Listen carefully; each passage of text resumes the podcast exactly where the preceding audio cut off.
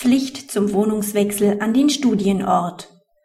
Einem unterhaltsberechtigten Studenten ist es grundsätzlich zuzumuten, sich eine Wohnung am Studienort zu suchen, wenn dadurch die Unterhaltslast reduziert wird. Die Interessen des Unterhaltspflichtigen und des Unterhaltsberechtigten sind dabei gegeneinander abzuwägen.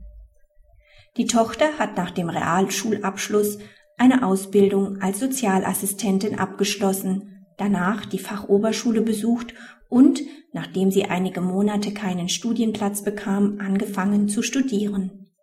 Sie wohnt weiterhin im Haushalt der Mutter, hat aber wegen der Entfernung des Wohnorts zur Hochschule hohe Fahrtkosten zum Studienort.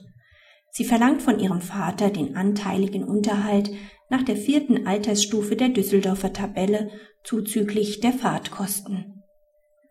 Das Oberlandesgericht geht bei der Ermittlung des Bedarfs der Tochter von dem Bedarf eines Volljährigen mit eigenem Hausstand aus und erkennt die Fahrtkosten nicht an. Der BGH stimmt dem zu.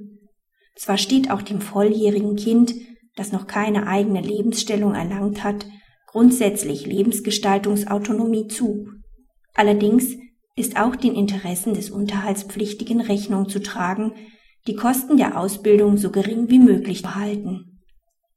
Bei dieser Interessenabwägung ist zu berücksichtigen, dass die Tochter nicht ausreichend vorgetragen hat, sie könne am Studienort keine Wohnung zu angemessenen Konditionen finden oder dass sie durch das Wohnen am Studienort sonst beeinträchtigt wäre.